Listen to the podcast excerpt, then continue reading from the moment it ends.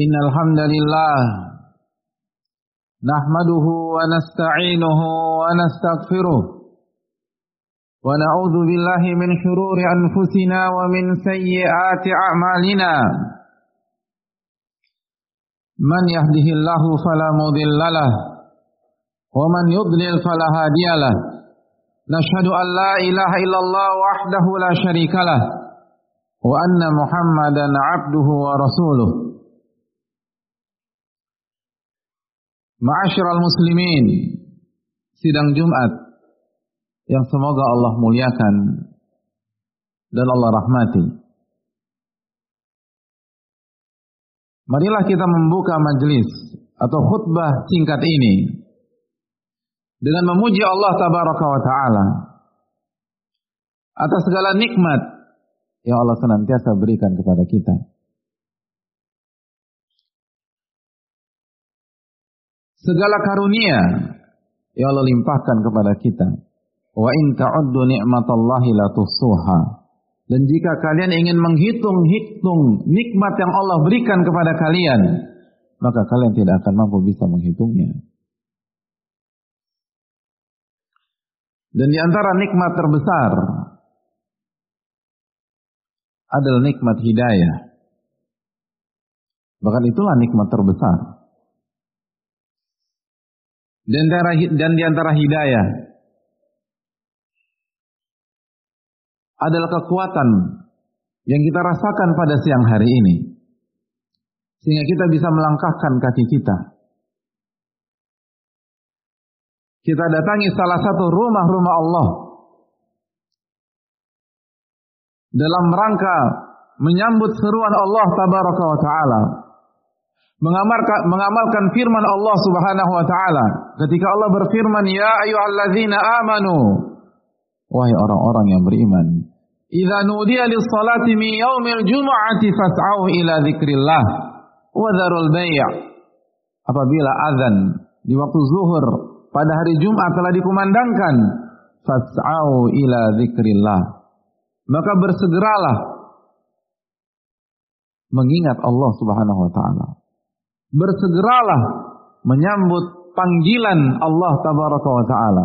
Bersegeralah menuju salah satu rumah-rumah Allah Subhanahu wa taala. Wadharul bai' dan tinggalkanlah jual beli kalian. Tinggalkanlah urusan dunia kalian yang diwakilkan dengan transaksi jual beli di dalam ayat ini. Tinggalkanlah meeting-meeting kalian. Tinggalkanlah pertemuan-pertemuan duniawi kalian Tinggalkanlah urusan-urusan kalian. Tinggalkanlah transaksi-transaksi kalian. Tinggalkanlah seluruhnya. Mengapa demikian, ma'asyiral muslimin? Kenapa kita diperintahkan untuk meninggalkan aktivitas yang sedang kita selenggarakan atau laksanakan pada saat itu? Allah mengajak kita berpikir dan menjelaskan alasannya. Zalikum khairul lakum in kuntum ta'lamun. Karena sholat Jumat kalian,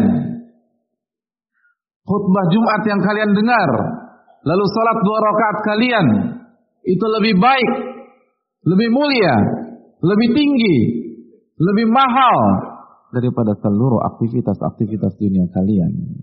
Jika kalian mengetahuinya, jika kalian mengerti, jika kalian paham apa yang Allah persiapkan untuk kita jika kita mau mengistirahatkan sejenak aktivitas tersebut dan menyambut seruan Allah tabaraka wa taala.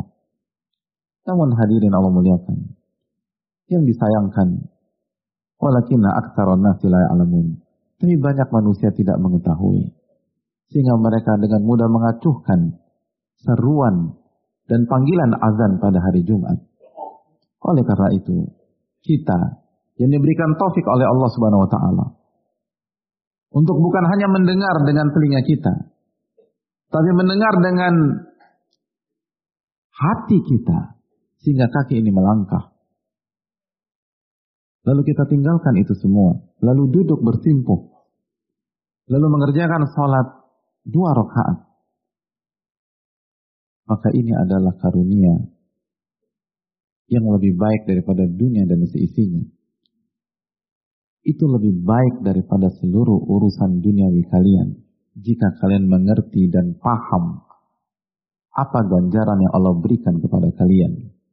Oleh karena itu bersyukurlah kepada Allah. Pujilah Allah tabaraka wa ta'ala yang telah memberikan taufik kepada kita, hidayah kepada kita, petunjuk kepada kita, dan kekuatan kepada kita. Karena ini bukan tentang kesehatan fisik. Di luar sana ada banyak orang yang sehat, tapi tidak bisa melangkahkan kakinya ke masjid untuk mengikuti salat Jumat. Karena ini masalah hidayah. Ini dipilih oleh Rabbul Alamin. Oleh karena itu, bersyukurlah ketika Allah memberikan hidayahnya kepada diri yang lemah ini, yang banyak khilaf ini, dan banyak dosa ini. Dan beristighfarlah kepada Allah Taala. Ma'asyiral muslimin yang Allah muliakan. Sebagaimana salawat beriring salam Semoga senantiasa tercurah kepada Rasulullah Sallallahu Alaihi Wasallam beserta para keluarga, para sahabat, dan orang-orang yang istiqomah berjalan di bawah naungan sunnah beliau sampai hari kiamat kelak. Ma'asyiral muslimin Allah muliakan. Dan marilah kita bertakwa kepada Allah. Ya ayuhalladzina amanu. Wahai orang-orang yang beriman. Ittaqullaha haqqa tuqatih. Wa la tamutunna illa wa antum muslimun. Wahai orang-orang yang beriman, bertakwalah kepada Allah dengan sebenar-benarnya takwa. Bertakwalah kepada Allah dengan takwa yang sejati. An yuta' yu'ta. Taatlah kepada Allah dan jangan maksiati Allah Subhanahu wa taala. An yuzkar wa yunsa. Ingatlah kepada Allah dan jangan lupakan Allah Subhanahu wa taala. Wa an yushkar wa la yukfar. Dan bersyukurlah kepada Allah. Dan jangan kufuri nikmat Allah Subhanahu wa taala. Itulah arti atau itulah salah satu keterangan para ulama ketika para ulama mengatakan kepada kita bertakwalah kepada Allah Subhanahu wa taala. Taat kepada Allah. Ingatlah kepada Allah dan bersyukurlah kepada Allah Subhanahu wa taala. Jangan bermaksiat kepada Allah. Jangan lupakan Allah. Kecuali kita lagi butuh saja baru kita ingat kepada Allah Subhanahu wa taala. Pantaskah? Hadirin, kita saja nggak suka dengan teman kita yang baru hubungi kita ketika dia lagi butuh dan lupa sama kita ketika dia sedang nyaman. Lalu pantaskah kita memperlakukan Rob kita seperti itu? Kita hanya sujud ketika kita sedang sakit. Kita angkat tangan ketika kita sedang terlilit hutang. Kita minta kepada Allah ketika kita sedang nggak punya apa-apa. Tapi begitu Allah kasih nikmat kepada kita. Allah lancarkan bisnis kita. Allah kasih harta. Allah kasih proyek yang baik. Allah dilupakan. Allah dilupakan. Rabb yang kita mengemis kepadanya pada saat kita susah. Ya Rabbi, Ya Rabbi. Atau Allahumma, Allahumma. Kita lupakan dia subhanahu wa ta'ala ketika kita merasa sudah bisa berdiri dengan kedua kaki kita sendiri. Dan itu ilusi. Karena manusia tidak mampu bisa berdiri dengan dirinya sendiri. Kecuali dengan taufik dan hidayah dari Allah Ta'ala. Lalu bersyukurlah kepada Allah. Sekali lagi. Nikmat Allah sangat banyak. Bukankah oksigen yang kita hirup itu adalah nikmat Allah Subhanahu wa taala? Jantung yang berdetak ini adalah nikmat dari Allah SWT. Tertawalah sesuka hati kita. Tapi begitu seseorang mendapatkan serangan jantung, bisakah dia tertawa hadirin?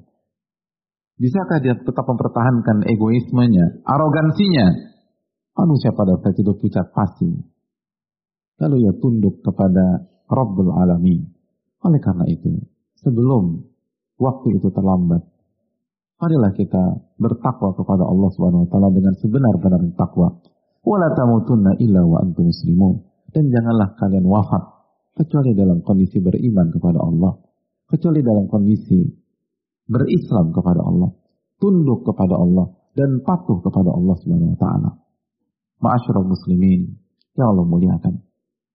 Takwa adalah wasiat yang harus senantiasa kita ingat Wadzakir fa inna dzikra tanfa'ul mu'minin. Berilah peringatan dan ulang-ulang nasihat. Karena peringatan yang diulang-ulang itu sangat bermanfaat bagi orang-orang yang beriman. Ma'asyiral muslimin yang memuliakan. Di saat kondisi seperti ini, maka takwalah solusinya. Di saat banyak masalah dalam hidup kita, maka takwalah solusinya.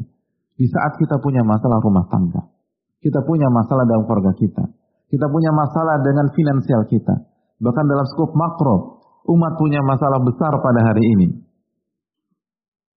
Maka solusinya adalah mari kita mulai dengan diri kita bertakwa kepada Allah Subhanahu wa taala. Karena Allah Subhanahu wa taala berfirman, Ya ayyuhalladzina amanu. Wahai orang-orang beriman. Wahai orang-orang yang beriman. Ittaqullaha. Bertakwalah kepada Allah. Wa qulu qawlan sadida. Dan berbicaralah yang benar. Berbicaralah yang istiqomah. Bukan benar satu dua hari. Bukan benar satu dua pekan. Bukan benar satu dua bulan. Tapi istiqomahlah dalam menata lisan, dan apa yang kita ucapkan itu yang kita perjuangkan.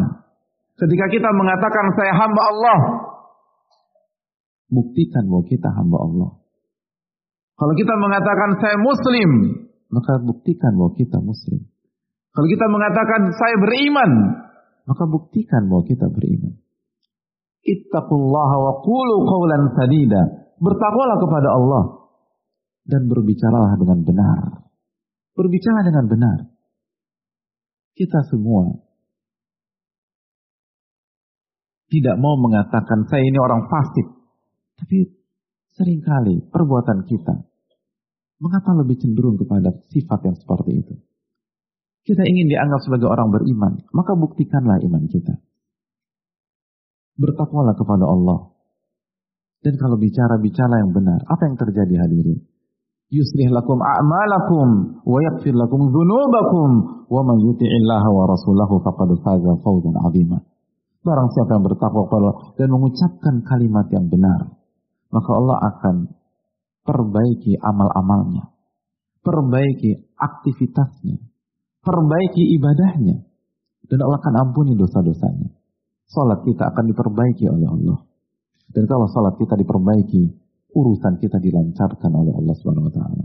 Zikir kita akan diperbaiki oleh Allah. Keikhlasan kita akan diperbaiki oleh Allah. Kejujuran kita akan diperbaiki oleh Allah Subhanahu wa taala. Dan kalau kita sudah jujur, intasdukillaha yasdukka kata Nabi kita sallallahu alaihi wasallam. Jika Anda jujur dengan Allah, Allah akan wujudkan cita-cita Anda.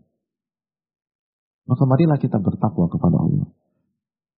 Dan berbicaralah dengan jujur jika kita ingin seluruh amal ibadah kita dan aktivitas-aktivitas kita diperbaiki oleh Allah Subhanahu wa taala. Hadirin, kita hamba yang lemah. Wa khuliqal insanu dha'ifa. Allah berfirman dalam surat An-Nisa 28, manusia diciptakan dalam kondisi lemah. Kita ini banyak nggak tahunya hadirin. Allah berfirman dalam surat Al-Ahzab ayat 72, "Innahu kana zaluman jahula." Manusia itu zalimnya minta ampun dan bodohnya luar biasa. Dan setiap hari kita berhadapan dengan aktivitas. Setiap hari kita berhadapan dengan amal. Kalau kita harus memperbaiki amal dan aktivitas itu dengan diri kita, sejauh mana kita berhasil memperbaikinya. Tapi kalau yang memperbaikinya, al-alimul khabir yang maha mengetahui baik yang global maupun yang detail. Alamul guyub yang mengetahui hal-hal yang gaib, yang mengetahui masa yang akan datang. Al-Muhsin yang maha baik. Rabbul Alamin yang memiliki seluruh alam semesta ini. Kalau Allah sudah perbaiki amal kita, aktivitas kita, apa yang perlu kita khawatirkan dalam urusan rumah tangga kita?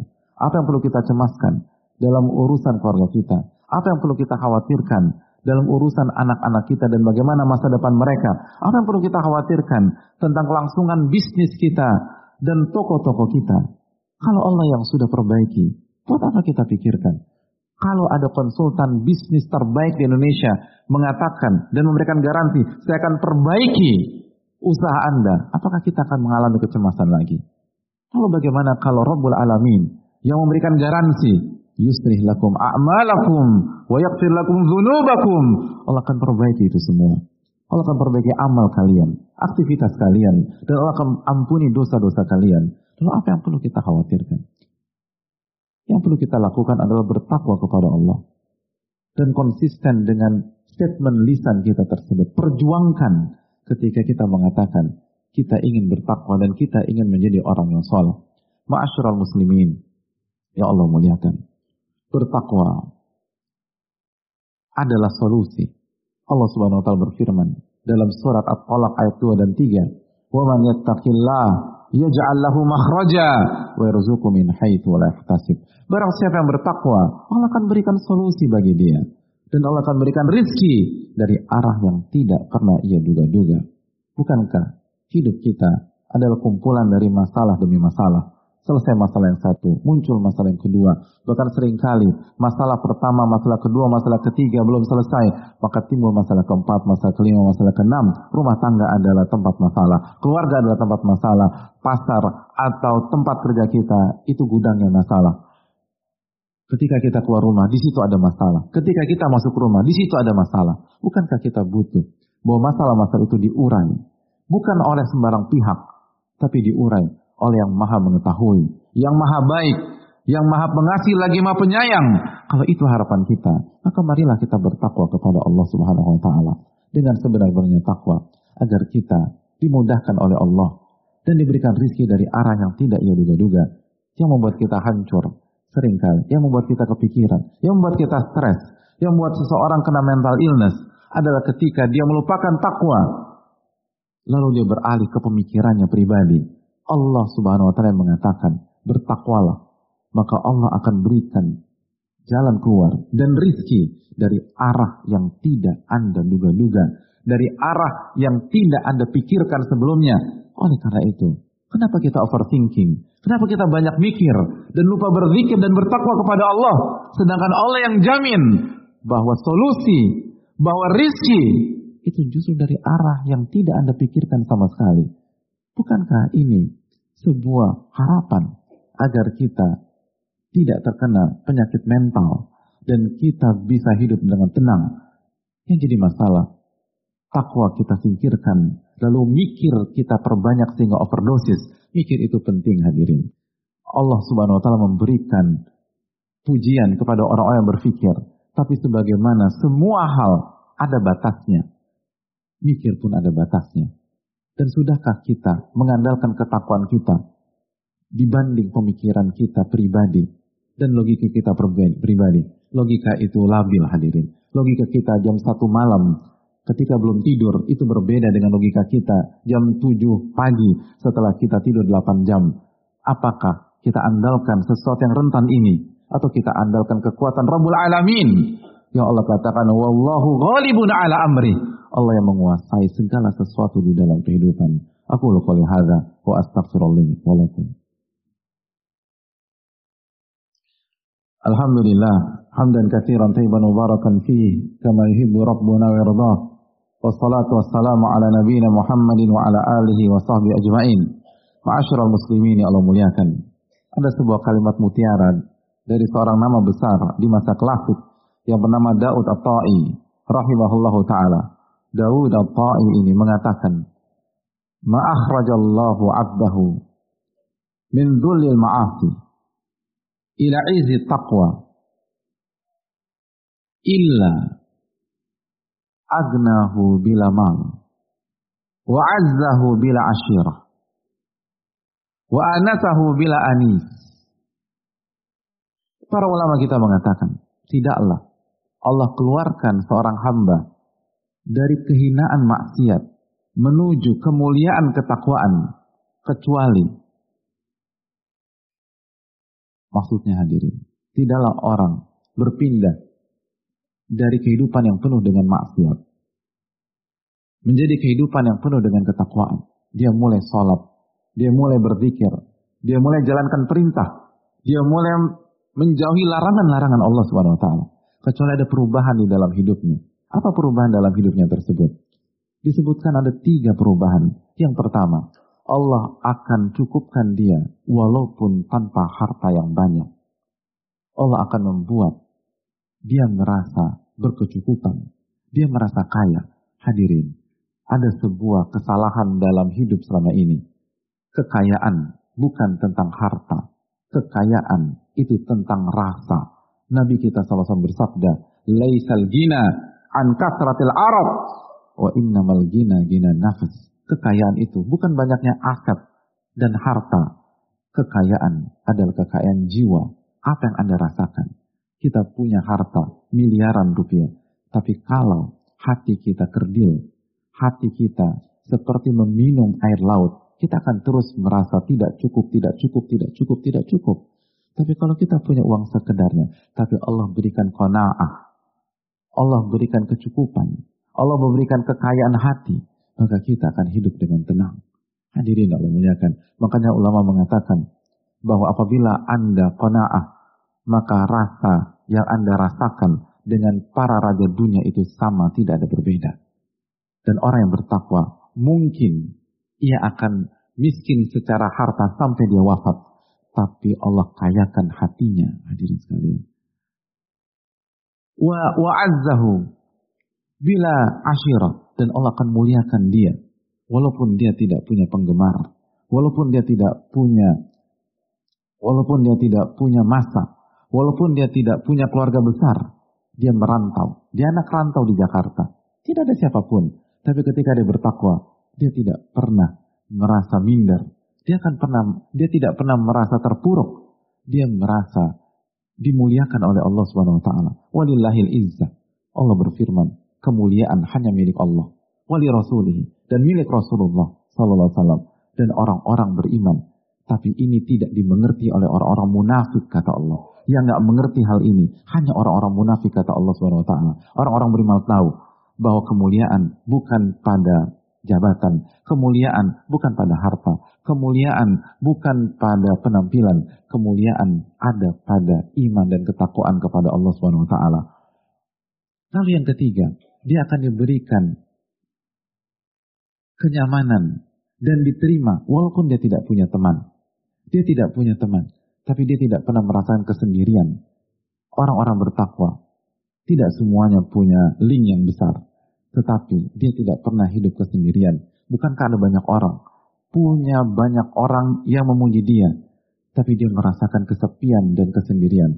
Kesepian adalah penyakit hati yang begitu menyengsarakan hadirin. Ada banyak orang bunuh diri. Bukan karena tidak punya teman. Tapi merasa kesepian padahal temannya begitu luar biasa. Orang-orang bertakwa, walaupun dia sendirian, dia merasa happy, dia merasa senang. Kenapa demikian? Wa billah. Cukuplah Allah yang menemani dia. Cukuplah imannya yang menyertai dia.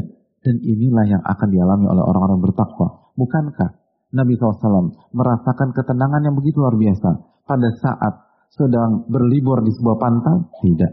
Pada saat lo dikepung di gua Saur, ketika kondisi sangat mencekam, ketika hidup dan mati itu jaraknya hanya sedikit saja. Tapi apa yang Allah firmankan tentang perasaan hati Rasulullah SAW. Fa'anzalallahu sakinatahu alaih. Allah berikan ketenangan kepada Nabi SAW dan kepada Abu Bakar As-Siddiq radhiyallahu. Sehingga walaupun mereka dicari, walaupun mereka terjepit, walaupun mereka tidak punya jalan keluar, mereka berada di gua yang sangat sempit, gua saur, dan tidak ada tempat lagi melarikan diri dan musuh ingin mencari mereka hidup atau mati. Tapi Allah berikan ketenangan pada diri mereka. Padahal tidak ada uang, tidak ada pasukan pada saat itu, tidak ada network, tidak ada kenyamanan, tidak ada fasilitas. Tetapi itu tidak berhasil mencuri ketenangan dalam hati Nabi SAW dan Abu Bakar As-Siddiq radhiyallahu taala. Kenapa demikian? Karena mereka mungkin tidak punya uang, tapi mereka punya ketakwaan di saat itu. Oleh karena itu, masyarakat muslimin, marilah kita kembali pada hakikat kehidupan. Yang kita butuhkan adalah ketakwaan. Dan ketika kita bertakwa, janji Allah Bukan janji si A, bukan janji si B, bukan janji manusia. Janji Allah tabaraka wa ta'ala. Wa man yattaqillah yaj'al lahu makhraja. Barang siapa yang bertakwa, Allah akan berikan solusi dalam setiap masalahnya. Wa yarzuqu min haitsu la yahtasib. Dan Allah akan berikan rizki dari arah yang tidak ia duga-duga. Semoga Allah memberikan taufik kepada kita sehingga kita bisa memperbaiki ketakwaan kita dan memperbaiki hubungan kita dengan Allah Subhanahu wa taala. Innallaha wa وملائكته يصلون على النبي. يا أيها الذين آمنوا صلوا عليه وسلموا تسليما. اللهم صل على محمد وعلى آل محمد كما صليت على إبراهيم وعلى آل إبراهيم إنك حميد مجيد. اللهم بارك على محمد وعلى آل محمد كما باركت على إبراهيم وعلى آل إبراهيم إنك حميد مجيد. اللهم اغفر للمسلمين والمسلمات والمؤمنين والمؤمنات الأحياء منهم والأموات. إنك سميع قريب مجيب دعوات. اللهم أعز الإسلام والمسلمين وأذل الكفار والمشركين يا رب العالمين.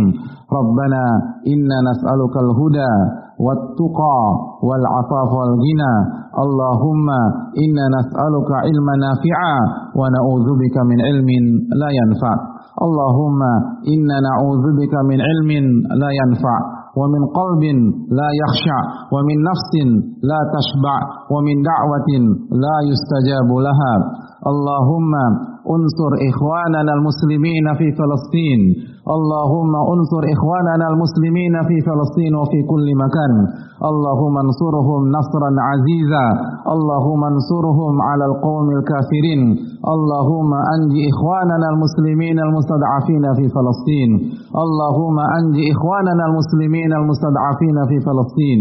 اللهم أنج إخواننا المسلمين المستضعفين في فلسطين. وفي, وفي كل مكان يا رب العالمين.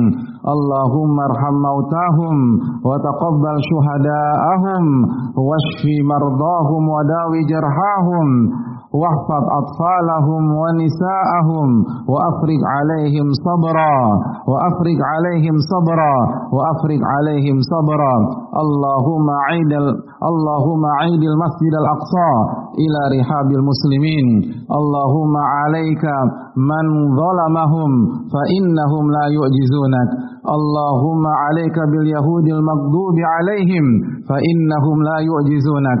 اللهم اشدد وطأتك على على اليهود الظالمين ومن أعنهم وأيدهم. اللهم اجعلها عليهم سنين كسن يوسف. اللهم لعنهم لعنا كبيرا. اللهم لعنهم لعنا كبيرا. اللهم لعنهم لعنا كبيرا. اللهم تقبل منا إنك أنت السميع العليم. وتب علينا إنك أنت التواب الرحيم. ربنا آتنا في الدنيا حسنة وفي الآخرة حسنة وقنا عذاب النار. وصلى الله وسلم على نبينا محمد وعلى آله وصحبه أجمعين.